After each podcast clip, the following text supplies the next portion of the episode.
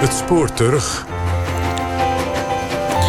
In Japan is de bij ons omstreden VOC nog steeds razend populair. En dat heeft alles te maken met Decima, de Hollandse handelspost in de baai van Nagasaki. Het was echt een hele kleine factorij. Niet groter dan een voetbalveldje. Maar invloed was er niet minder om. Twee eeuwen lang was die speldeprik het enige venster vanuit Japan op het westen en omgekeerd.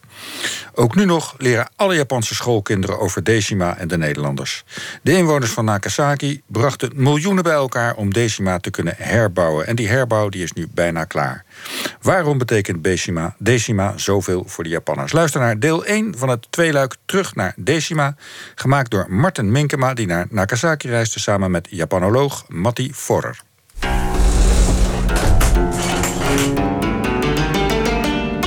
The gondola will be departing shortly. Please refrain from putting your head or arms out of the window. Please enjoy the stylish exterior of this gondola and the view of Nagasaki from beyond its floor to ceiling glass windows. Please face the direction of the city.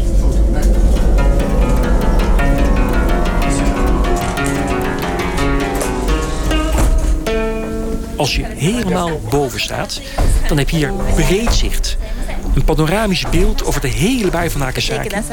Met links, landinwaarts, daar heel klein in de verte, een stadion. Waar ze honkebal spelen vandaag. De favoriete sport in Japan sinds de Amerikanen die hebben meegebracht.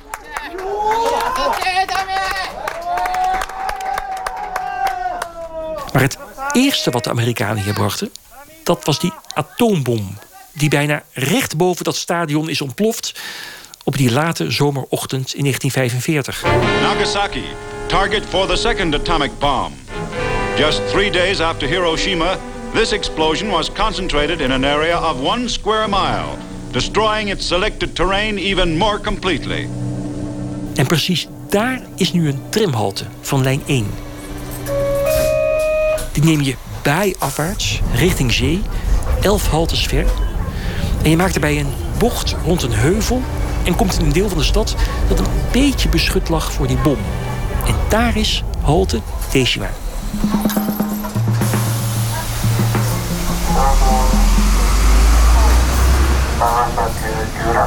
Je stapt uit bij de Oude Waterpoort. Daar waar ooit de sloepen van de VOC-schepen heen en weer roeiden. Met goederen tussen het schip dat in de baai voor anker lag en de kade van Decima. Dat waaiervormige eilandje bevolkt met Nederlandse kooplui. Het enige Japanse venster op het westen tussen 1638 en 1854. Twee eeuwen lang toen de shoguns het land op slot hielden. Bang voor westerse zenderingen en kolonisatie. Maar nu is hier asfalt. En het waaiervormige Decima ligt nu drooggelegd tussen hoogbouw. Bij de waterpoort staat een brievenbus. En hier koop je nu ook je toegangskaartje... om de splinternieuw herbouwde pakhuizen en woningen te bezoeken.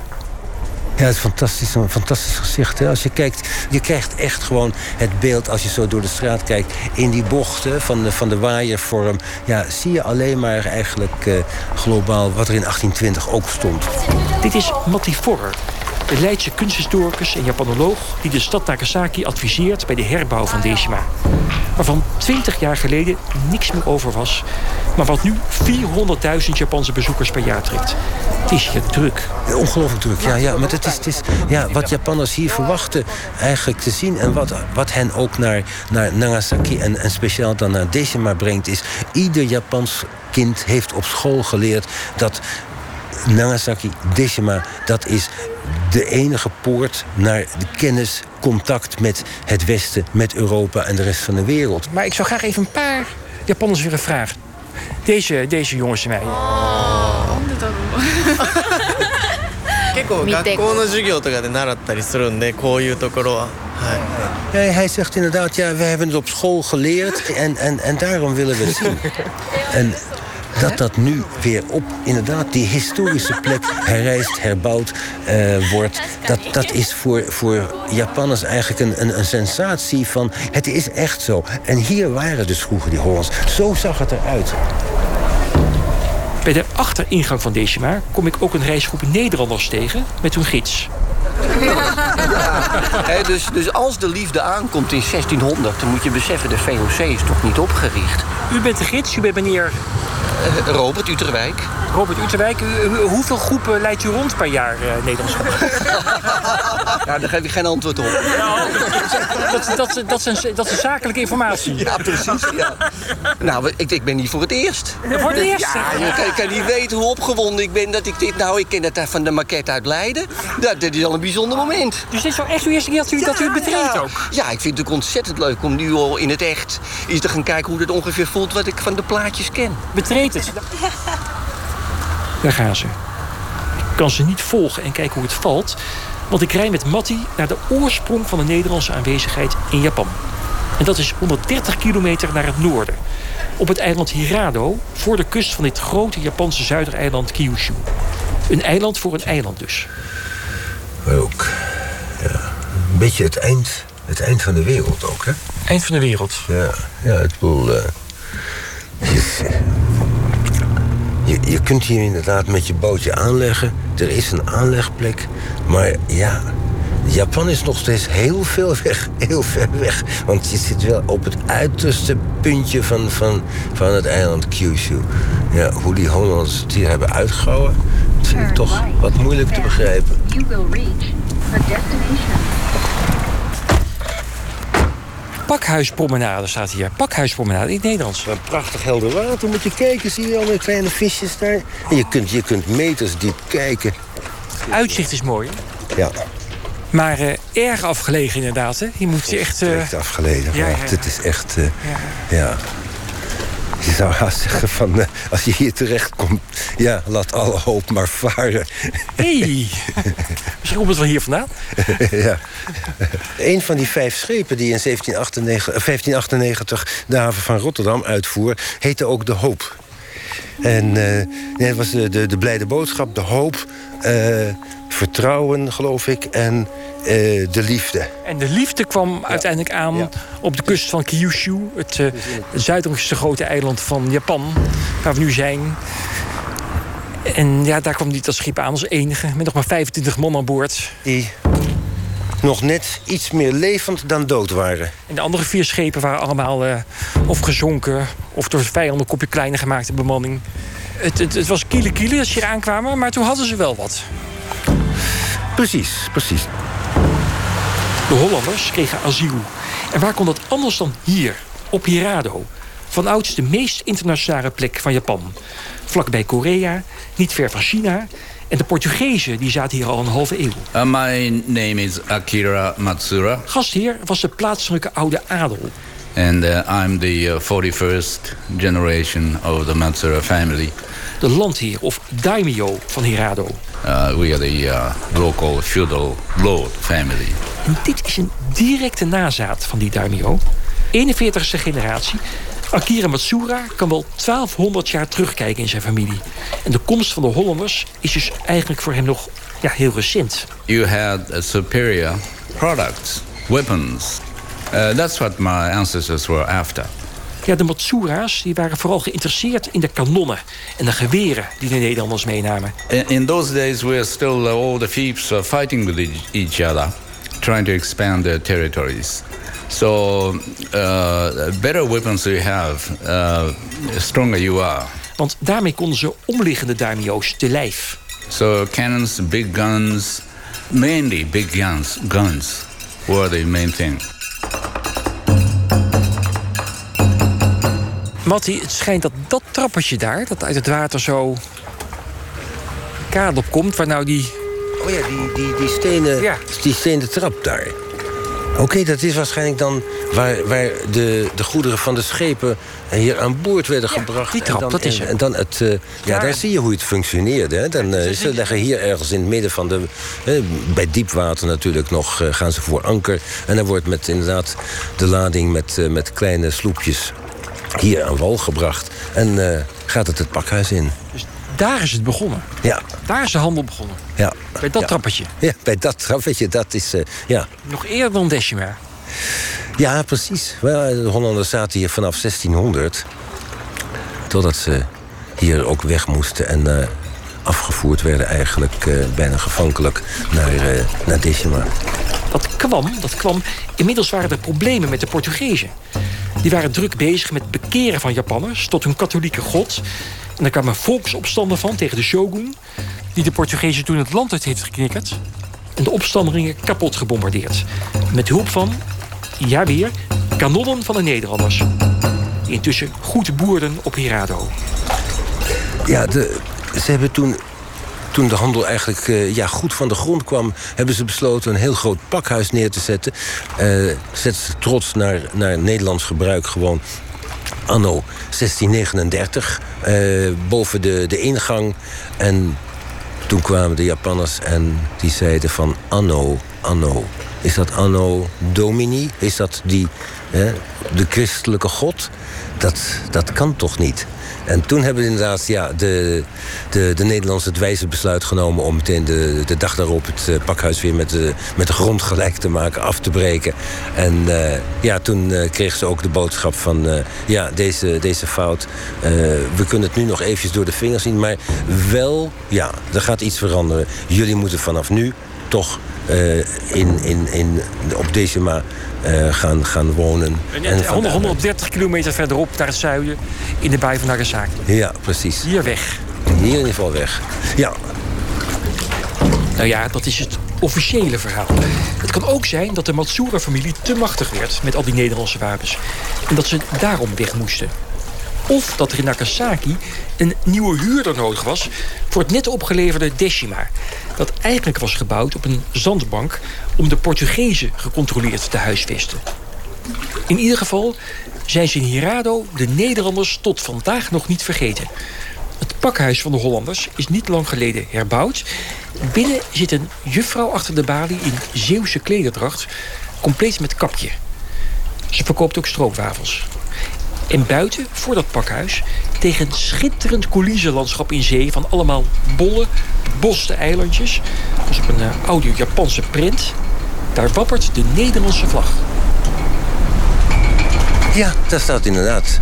Ja, een zei- vlaggenstok ja. met een Nederlandse vlag Ja, eraan. Je zou toch zo'n witte vlag met zo'n met zo'n rode, met, met zo'n rode bol verwachten. Echt, Japanse, echt een punt waar je als Japaner toch trots op bent.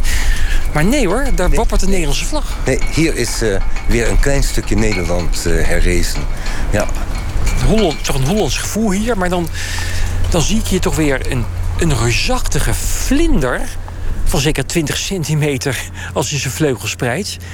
Schitterende zwarte vlinder met, eh, met, met, met, met rode driehoekjes vooraan bij zijn, eh, bij, bij zijn kop. Ja, je bent toch, we zijn toch op een heel exotische plek. ja. Kom, kom. Wil je niet op je arm zitten? Nee, hij wilde niet op mijn hand eventjes neerstrijken. Jammer. Is net een vogel zo groot, zie je dat? Het is echt ongelooflijk, ja. Het is bijna, bijna een, een, een fladderende mus. Een ongelooflijk grote vlinder. Ja, het is echt eh, prachtig zoals hij dan eh, zich vasthoudt aan zo'n aan zo'n bloemetje... terwijl de wind probeert hem weg te blazen. Ja.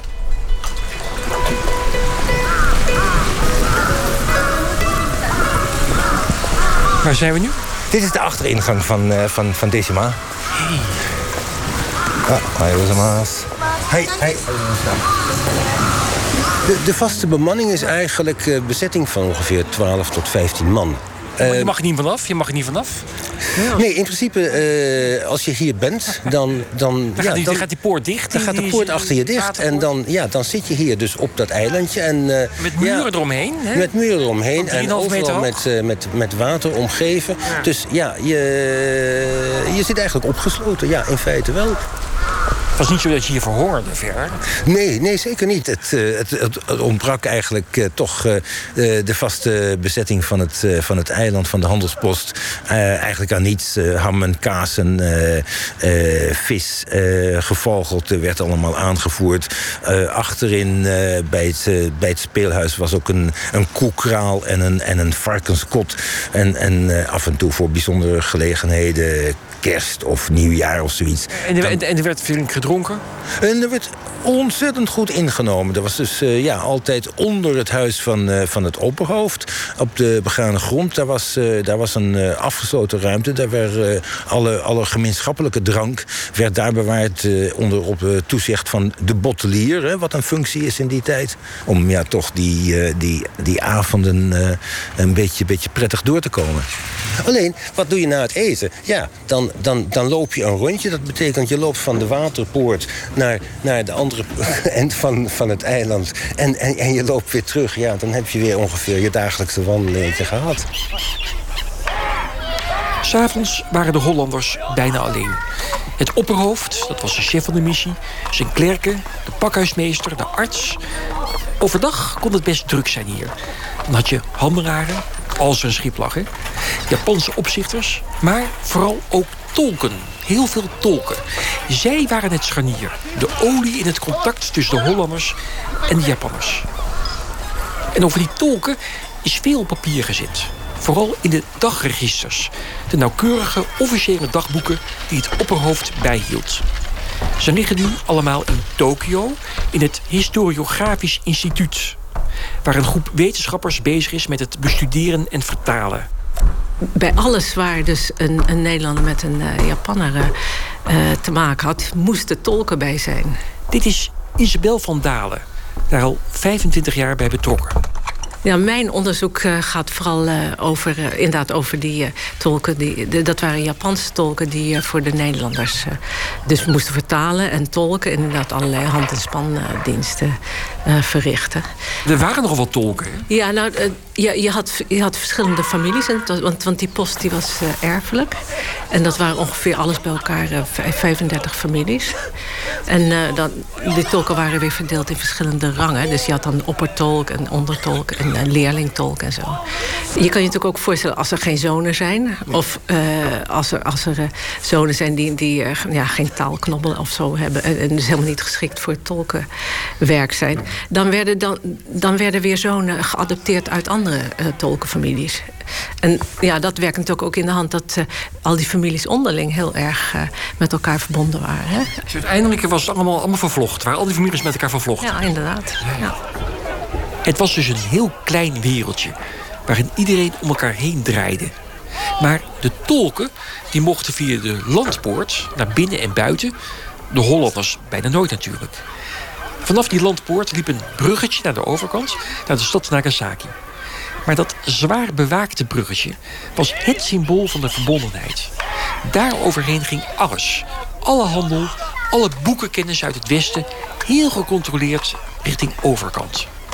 En straks is de herbouw van die brug de kroon op de herbouw van Decima. Zo belangrijk dat Matti er als vanzelf in heel formele termen over spreekt, terwijl we op die plek staan.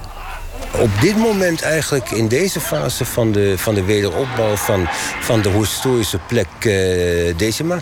wordt uiteindelijk, en de planning is dat die november 2017 klaar is... wordt hier weer een brug gebouwd om eigenlijk ook het, het eiland Decima... weer door de landpoort te kunnen bereiken... met waarschijnlijk een ticket office daar aan de voorkant... eh, vast men zich kan oriënteren op wat Ja. men op het eiland te zien kan krijgen.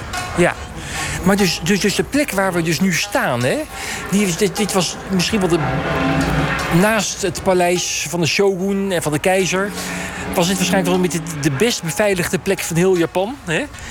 En, eh, maar het gekke is dat juist op die plek, hè, dat daar aan de overkant, pal achter die brug, hè, die nieuwe brug die gaat komen, zie ik een, eh, een, een, re- groot Shell-pompstation. Ja, precies, precies. Dus, ja, dus als, als eh, iets symbool staat voor de multinational die, die, die, die, die, die, die, die grenzen overgaat. Ja, ja, is Ja, dat Shell wel. Ja. Hè, Ja, ja. Wat, waarschijnlijk ook probeert geen belasting te betalen. Ja, en, dat, en, dat, en, dat, en, dat, en, dat werd, en dat werd hier natuurlijk heel veel gedaan. Erg veel belasting betaald hier. Eh, er wordt ook wel gezegd eh, dat de afkorting VOC, Verenigde Oost-Indische eh, Compagnie, ook beter verklaard zou kunnen worden als een afkorting van vergaan onder corruptie. Ja, dat, dat was weer een ander ding. Corrupt ook, hè? Ja, ja, ja. Ja, die corruptie, die hoorde erbij. Ook voor de tolken. het waren eigenlijk een soort, soort ambtenaren en zo. Maar tolken die hadden natuurlijk allerlei eh, ja, monopolie op kennis. eh, op, eh, ze, ze, ze konden zich op allerlei andere manieren nog, nog verrijken enzovoort enzovoort. En eh, ja, die Nederlands, daar, die, die wilden eigenlijk ook zoveel mogelijk informatie eh, krijgen over Japan en over eh, ja, allerlei intelligence eigenlijk, die van belang was voor de handel en zo. Als dan inderdaad tolken op de kamers van de Nederlanders waren, dan, konden ze, dan kregen ze natuurlijk allerlei cadeautjes en zo. Allerlei eh, lekkere drank en, en eten of, of kleine geschenken. Inderdaad, in ruil voor allerlei eh, informatie. Spulletjes en drank was er genoeg hè, op Decima altijd, hè? twee eeuwen lang. Ja, precies, want dat werd natuurlijk ook eh, voor, voor een deel voor dat doel speciaal uit Batavia meegebracht. Allerlei liqueur en. Nog smeermiddelen. precies. Ja. ja. Zeg maar, die, die, die, die, die, die, eh, die tolken waren toch ook, eh, dat waren ook toch ook eh, spionnen? Ze, ze, moesten inderdaad ook alles wat, wat afwijkend was, of inderdaad wat die Nederlanders eh, eh, verkeerd deden, dat moesten ze meteen eh, rapporteren. Maar ja. Die tolken die hebben natuurlijk altijd een enorme ja, moeilijke positie gez- gezet. Omdat ten eerste was een gedeelte van hun eigen eh, eh, salaris afhankelijk van het, eh, ja, het goede verloop van die Nederlandse handel. Dus ze moesten. En, en, en bovendien. eh, ja, zij waren diegene die, eh, die dus eh, op dagelijkse basis met die Nederlanders ook moesten eh, optrekken. Dus ja, het is steeds een soort gebalanceerd geweest van... Uh, ja, ze, moeten die Nederlanders tevreden stellen... maar ze moeten natuurlijk ook ervoor uitkijken... dat ze niet met uh, argusogen bekeken worden van de Japanse kant. En zo. Dus het is een hele moeilijke positie eigenlijk. Je hebt natuurlijk ook tolken die, die het een beetje anders vertaren dan, dan het staat... omdat er belang bij is. Precies. Kun je daar een voorbeeld van geven? Uh, nou, een, een, een, vrij bekend voorbeeld is bijvoorbeeld dat er een gegeven moment uh, een, een, schip in Nagasaki kwam dat uit, volgens mij was het Macau. Macau kwam en Macau was Portugees grondgebied. En, en, dat was natuurlijk streng verboden. En toen hebben de. Uh, ja, de, iedereen werd er enorm zenuwachtig van. Van, uh, van wat moeten we daarmee doen? En moet, moet dat dan aan Edo uh, gerapporteerd worden? En ze hebben toen in de rapportage hebben ze dus dat Macau veranderd in een andere, meer neutralere plek. Dat uit Batavia of, of, of zo oh, kwam. Dus ik, ja, dus, maar omdat ze er belang mee hadden ook dat, dat die handel met dat schip. Daar gingen ze ook weer aan verdienen, natuurlijk zelf. Nou, precies. Ik bedoel, want elke problemen, dat waren natuurlijk in feite dan indirect ook problemen voor henzelf.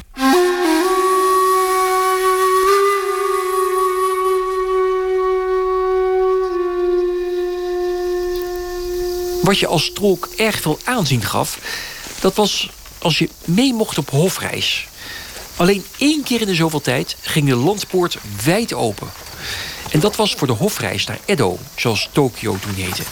Met het opperhoofd, de arts en een hoge klerk in draagstoelen...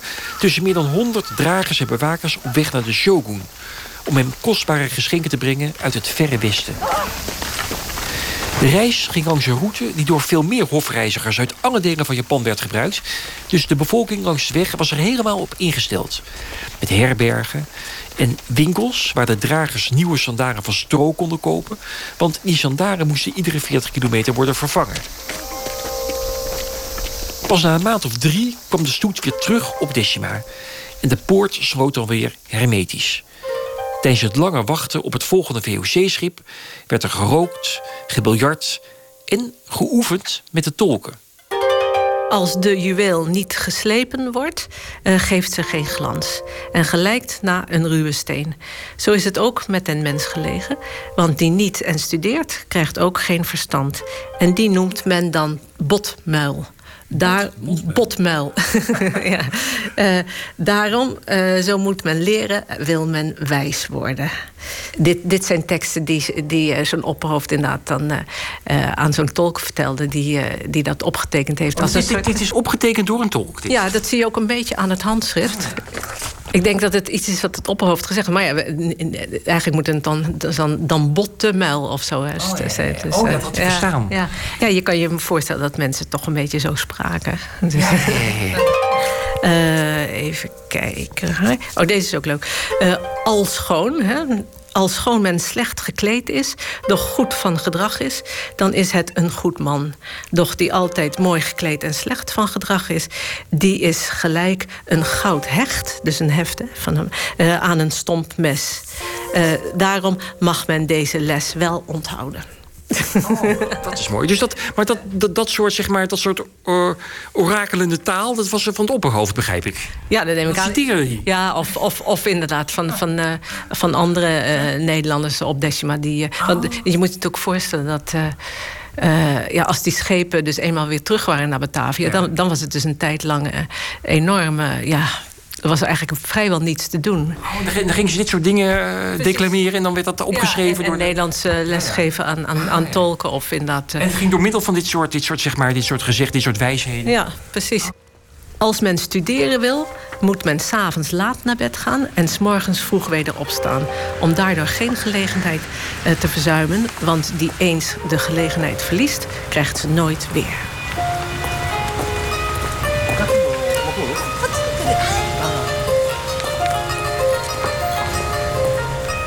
Waar gaan we naartoe, Mattie?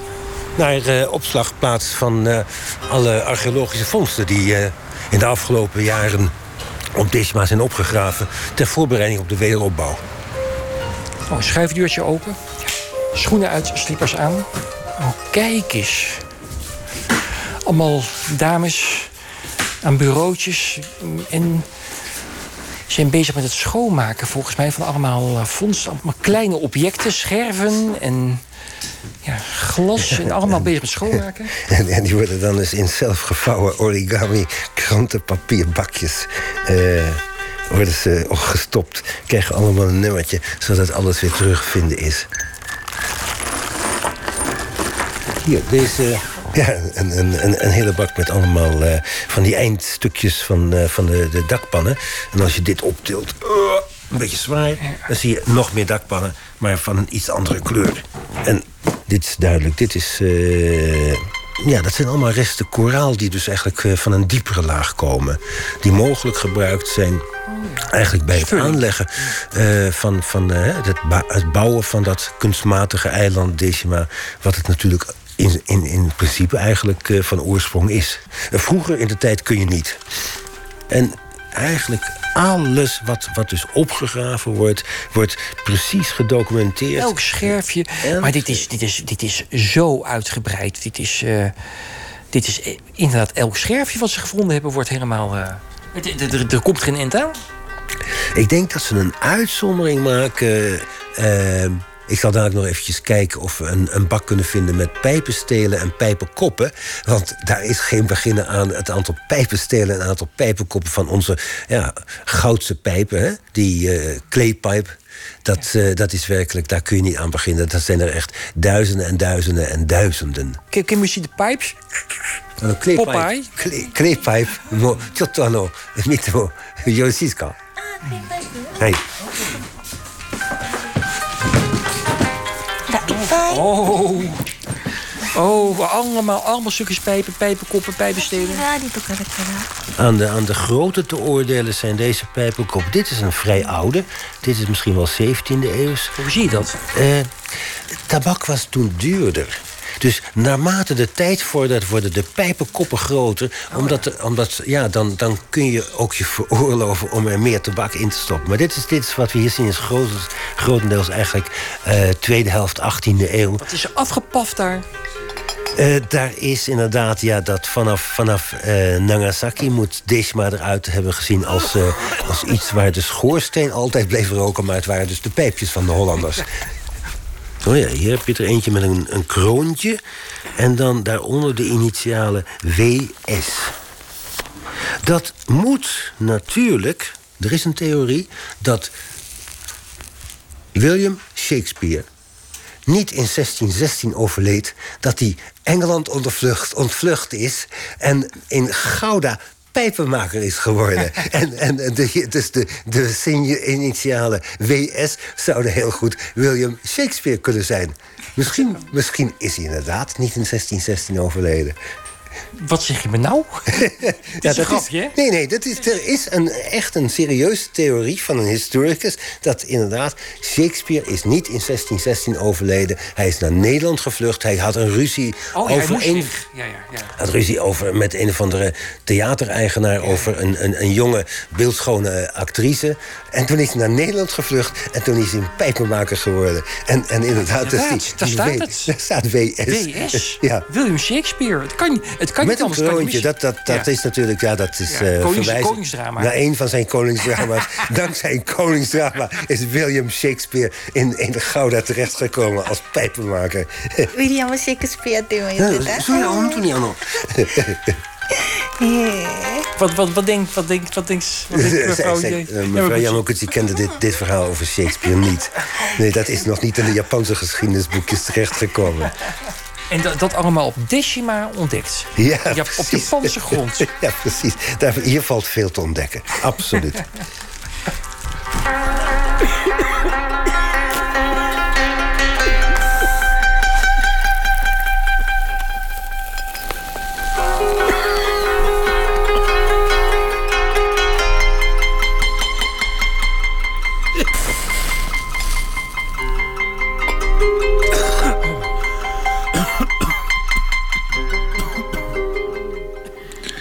Dit was het eerste deel van Terug naar Decima... gemaakt door Martin Minkema met steun van het Matchingfonds Gedeeld Cultureel Erfgoed... Dutch Culture en de Nederlandse ambassade in Tokio. En in samenwerking met Zoom Media. En Matt Wijn. Techniek, Berry Kamer. En volgende week hoort u deel 2.